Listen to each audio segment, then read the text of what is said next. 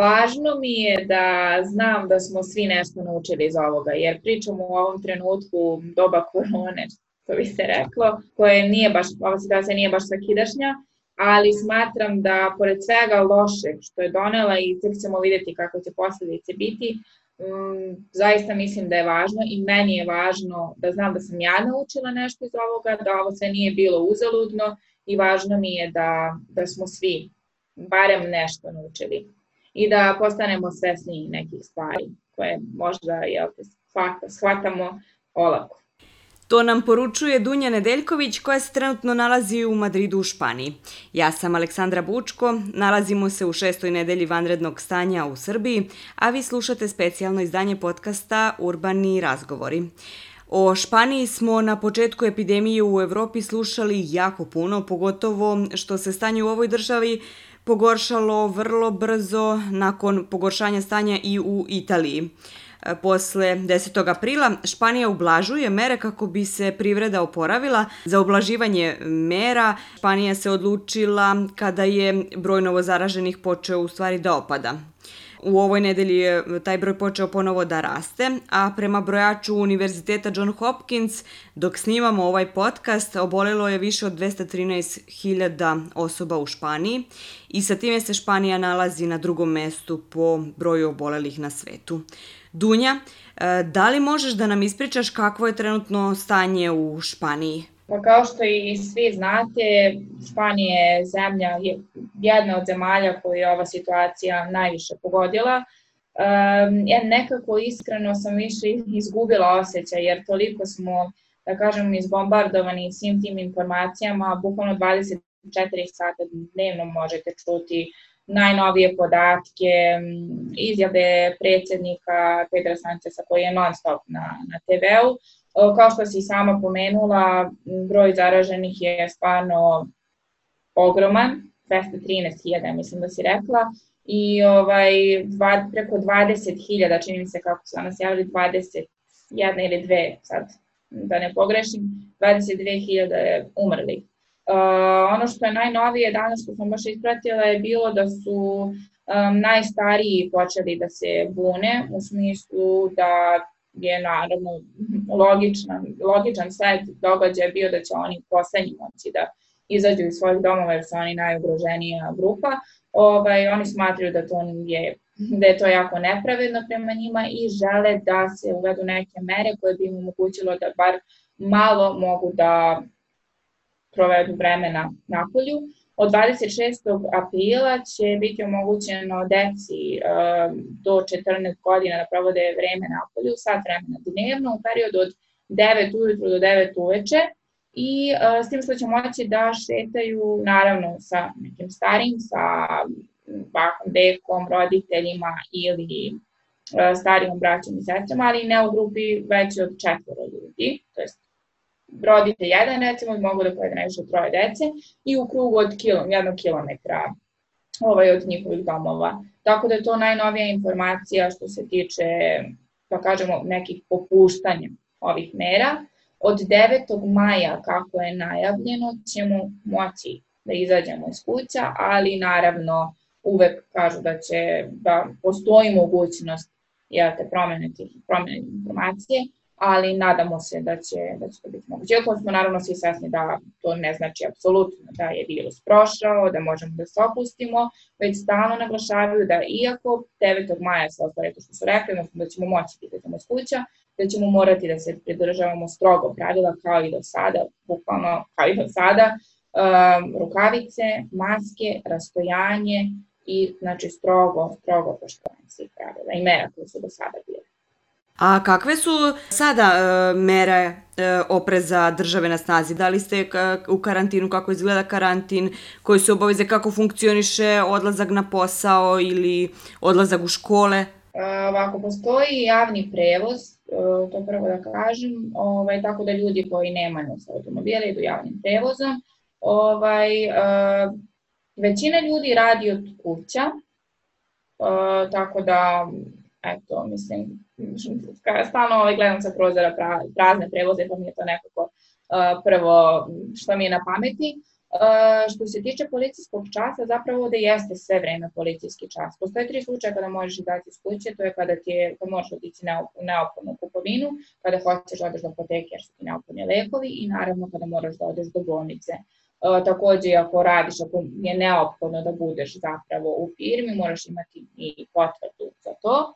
To je, ajde da kažemo, četvrta situacija kada možeš da izađeš iz kuće, ali u svakom slučaju to su te pa kažemo, četiri jedine situacije kada ti možeš da izađeš.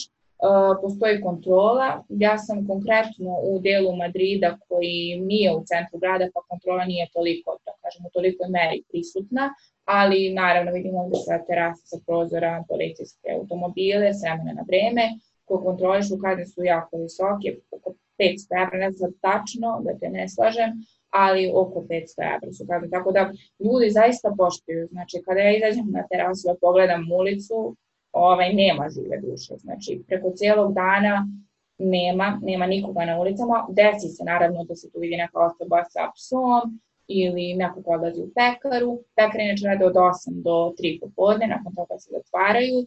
I da, dešava se da budu redovi ogromni ispred supermarketa, ali to je uglavnom vikendom kao što je tu i u Srbiji. A kako tebi sada izgleda život? Ovako, ja sam došla ovde sa e, namerom da, da pronađem posao. Ja sam došla ovde 5. marta e, kod porodice e, kod koje, kod koje trenutno živim i ovaj, e, moj zadatak je ovde da učim decu engleski. U ovoj porodici konkretno gde ja trenutno boravim e, su tri dečaka koje ja obučavam engleski i tako da moj dan se svodi na to da njima održim časove. E, s obzirom da su ove nedelje uveli online časove, pošto ja ti deca ne mogu da idu u školu, e, cijelo prepodne mi prođe u ne samo držanju engleskog, što mi je bio prvobitni zadatak, nego sad da radim neke druge predmete sa njima.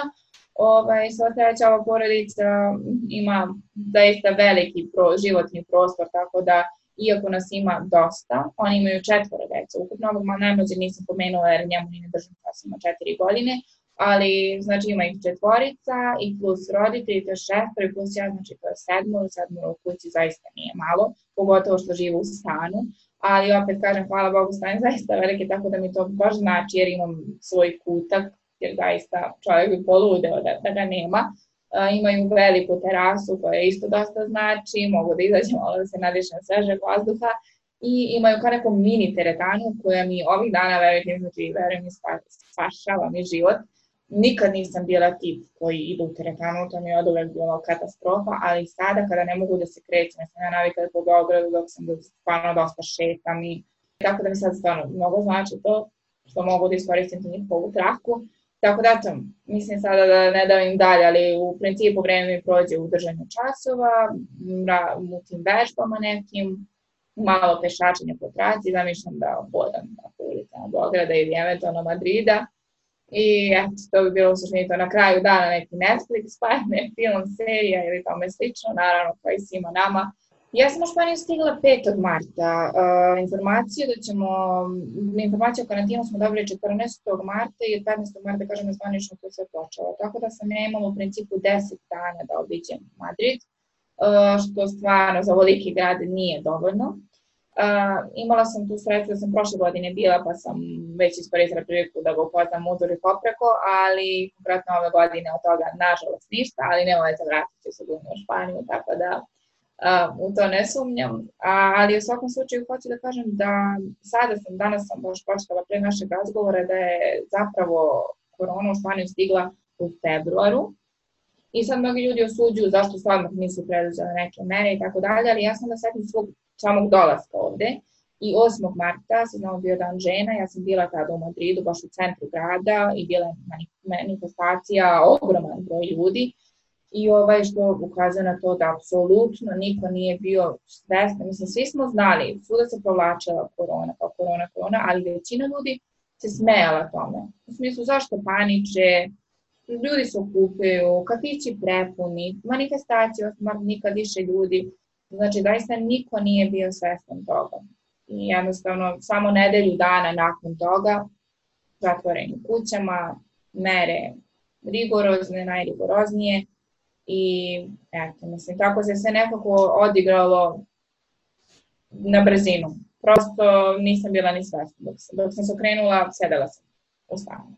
Mnogi državljani e, Srbije su se prijavljivali kako bi se vratili nazad u, u, u svoju državu. Um, da li si ti imala takve informacije i zašto si odlučila da ostaneš u Španiji? Iskreno ovako, ja nisam uopšte bila svesna te cijele situacije, čak ni kada smo ostali u stanu.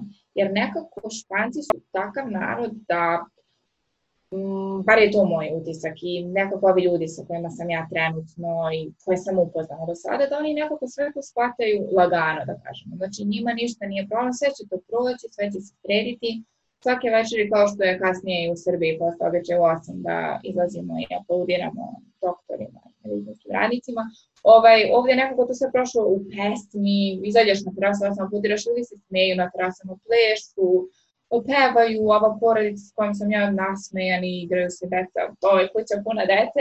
Tako da nekako u celoj toj atmosferi uopšte nisam imala uh, svest o ozbiljnosti situacije dok se ne čujem sa ljudima iz Srbije. Znači dok se ne čujem sa svojom porodicom, dok se ne čujem sa svojim prijateljima koji svi meni pričaju jao, jadna, bože, strašno, mogu misliti kako je tebi tamo, tebi je tamo katastrofa, pa probaj da se vrati, nemoj da se brineš, A ja sam u fazonu ljudi stvarno mi super, mislim koliko god zvučalo ludo možda, ali zaista nekako smatram da bi mi možda čak u Srbiji bilo teže, jer e, prvo da krenemo od moje porodice, od bližnjih ljudi, mislim normalno nekako smo možda i zbog, ajde sad dolazimo u neke dalje teme prepošljeni i zbog rata, zbog svega što smo proživali, bombardovanje, da ne pominjem sad, i nekako sve shvatimo previše, mislim, je to preozbiljna situacija ali smat, mislim da način na koji mi je doživljavamo, čak izuzecima koji se okupljaju ispred kafića i da danas i časkaju pa da ništa nije, ovaj, nekako doživljavamo to sve mnogo tragičnije nego što ovde. Mislim, i ovde su ljudi svesni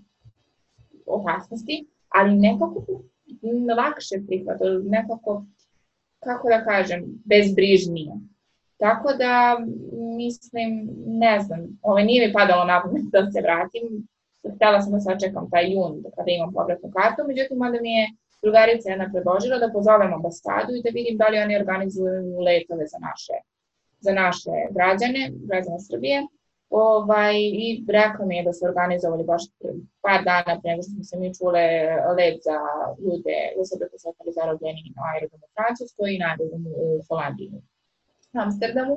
Ovaj, I ja sam pozvala našu ambasadu, na što mi je čovek ovaj, iz ambasade rekao da ukoliko meni u redu sa tom porodicom, ukoliko imam dobre uslove, da kažem, da živim do tog datuma da bi trebalo da ostanem, dok je predviđeno da ostanem, da ostanem ovde jer postoje mnogo slučajeva, kako on kaže, koji su mnogo gore poziciji nego ja i, ovaj, i nagovestio mi je da svakako, čak i kad bih mogla da se vratim, da bih 28 dana sigurno provela u citiram šatoru, sa mnogo drugih ljudi koji, od kojih je verovatno neko zaražen virusom, tako da kaže, verovatno bi pokupilo usput virus, ništa dobro toga ne bi izašlo.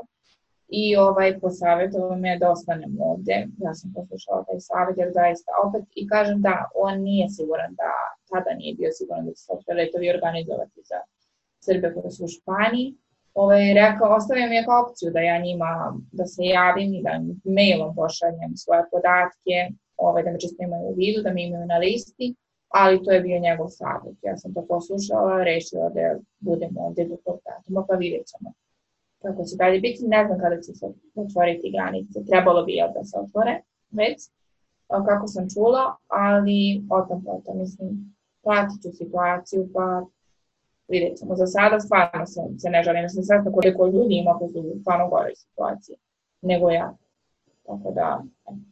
Šta bi ti poručila ljudima koji su ili u karantinu ili u izolaciji ili su kući prosto za vreme policijskog časa? Smatram da ukoliko ne znamo da se izborimo sa sobstvenim osjećanjima, sa sobstvenom možda anksioznošću koja se može javiti kod ljudi koje inače po prirodi nemaju, jednostavno ovo su jako neprirodni uslovi, smatram da svako mora naći nešto što će ga održavati, što će ga održavati u ovoj iskreno koliko god može sad ući preuvređeno, ali jako teško situaciji za, za ljudsku psihu.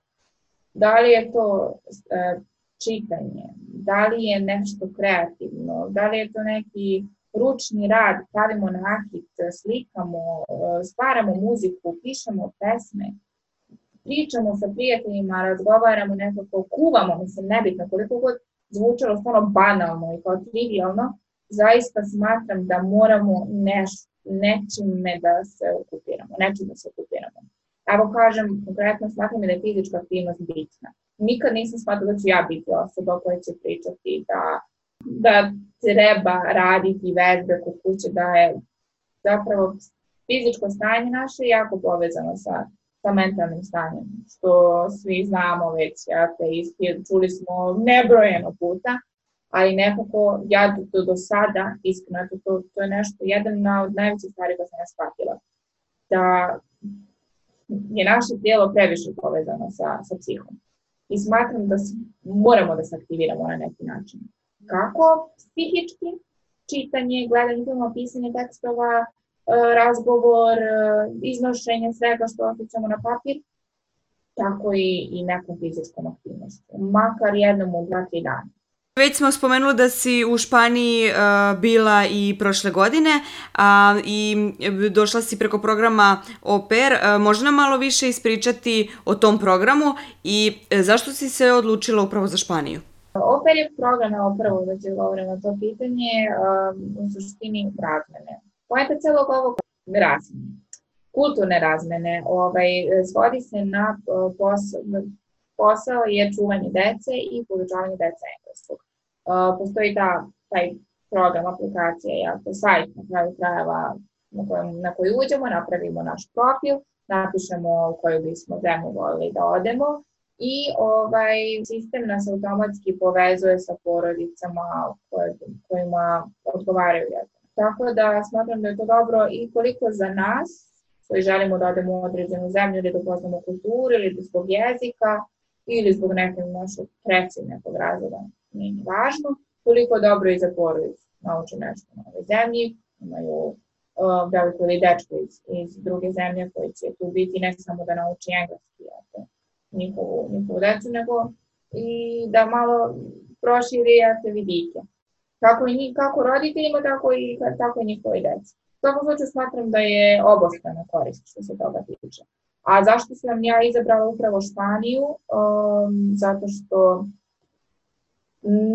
evo da, da sada kad me pitaš ne bih znala da ti dam jedan konkretan odgovor da uperim prstom u to. Mislim, kao i svi španski sam zavola uz pomoć Ranovih, um, koraka napred, svih onih serija našeg detinstva I tada se stvarno rodila neka ljubav prvenstveno prema tom jeziku, koji u meni budi neki neverovatan osjećaj i koji u meni probudio želju da ja upoznam tu zemlju, u kojoj se govori taj jezik, da upoznam kulturu te zemlje, da osjetim duh tog naroda, koji je udređeno jako sličan našem, da prosto nekako neka sila i energija koja me vuče je nešto što je mene dovalo njihov e, duh, e, poletnost, koliko su živi, koliko vole život, koliko vole da se druže, e, njihova, ne znam, družoljubivost, koliko su jednostavno velikodušni, veseli po prirodi.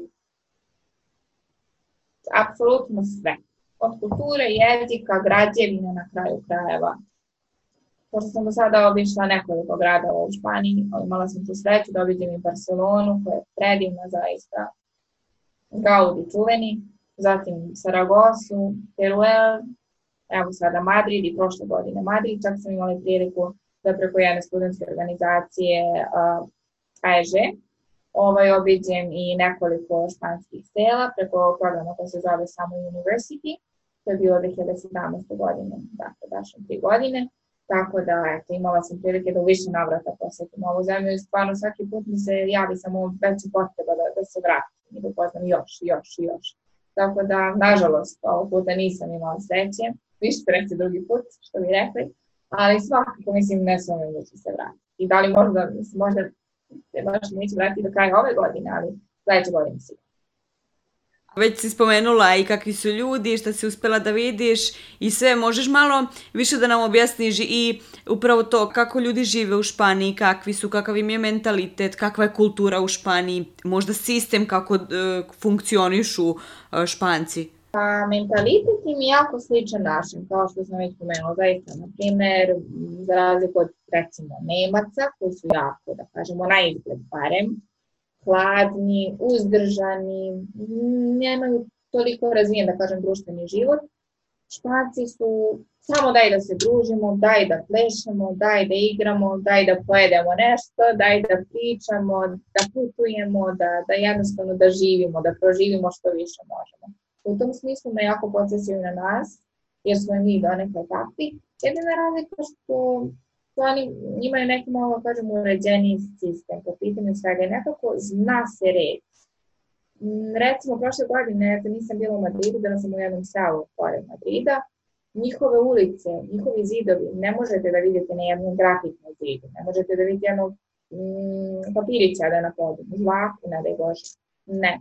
Znači, jer ovde jednostavno uvedene su kazne, ljudi su svesni toga, jednostavno ne rade to. Naravno, kao što u Uniji, mislim, u zemalja nije dozvoljeno pušenje davno u zatvorenom prostoru. Uh, ne znam, na primjer, prevoz, recimo, eto, to mi je bilo jako simpatično, zato što kod nas jako, možemo se švercamo do, do njene volje. Mislim, nije baš preporučivo, ali istina je da većina ljudi većina, ali dosta ljudi to radi, hajde da se ispravi. Baš kad sam bila preko, preko one studentske organizacije koja sam pomenula ove 2017. godine sa drugaricom, ovaj, pokušali smo se švercamo. I ušli smo na ta neka, po pravilu, moraš ući kod vozača, otkucati kartu ili platiti kartu. Znači, ne možeš ući na bilo koja vrata, kao što je slučaj u Srbiji. Mi smo ušli na srednja vrata i automatski je vozač stao, nije hteo da krene.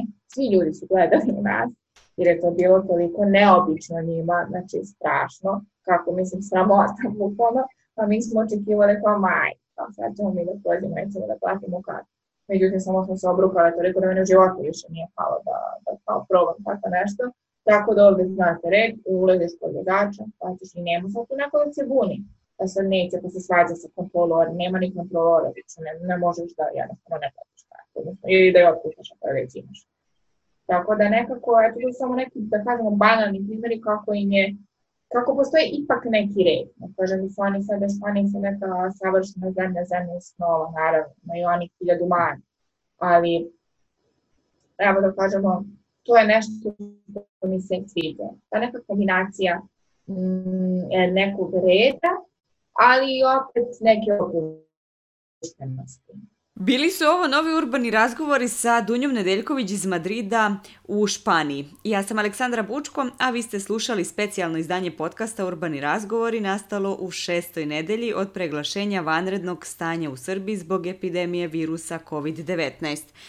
Hvala ti Dunja na ovom razgovoru. Hvala tebi, hvala tebi i ovaj, sve će ovo proći pa ćemo se družiti i uživo. Podcast Urbani razgovor je dostupan u sklopu medijskih sadržaja Fabrike kreativnosti na platformama Mixcloud, Anchor e, i Google Podcast i na YouTube-u. Slušajte i dalje o važnim temama jedan na jedan.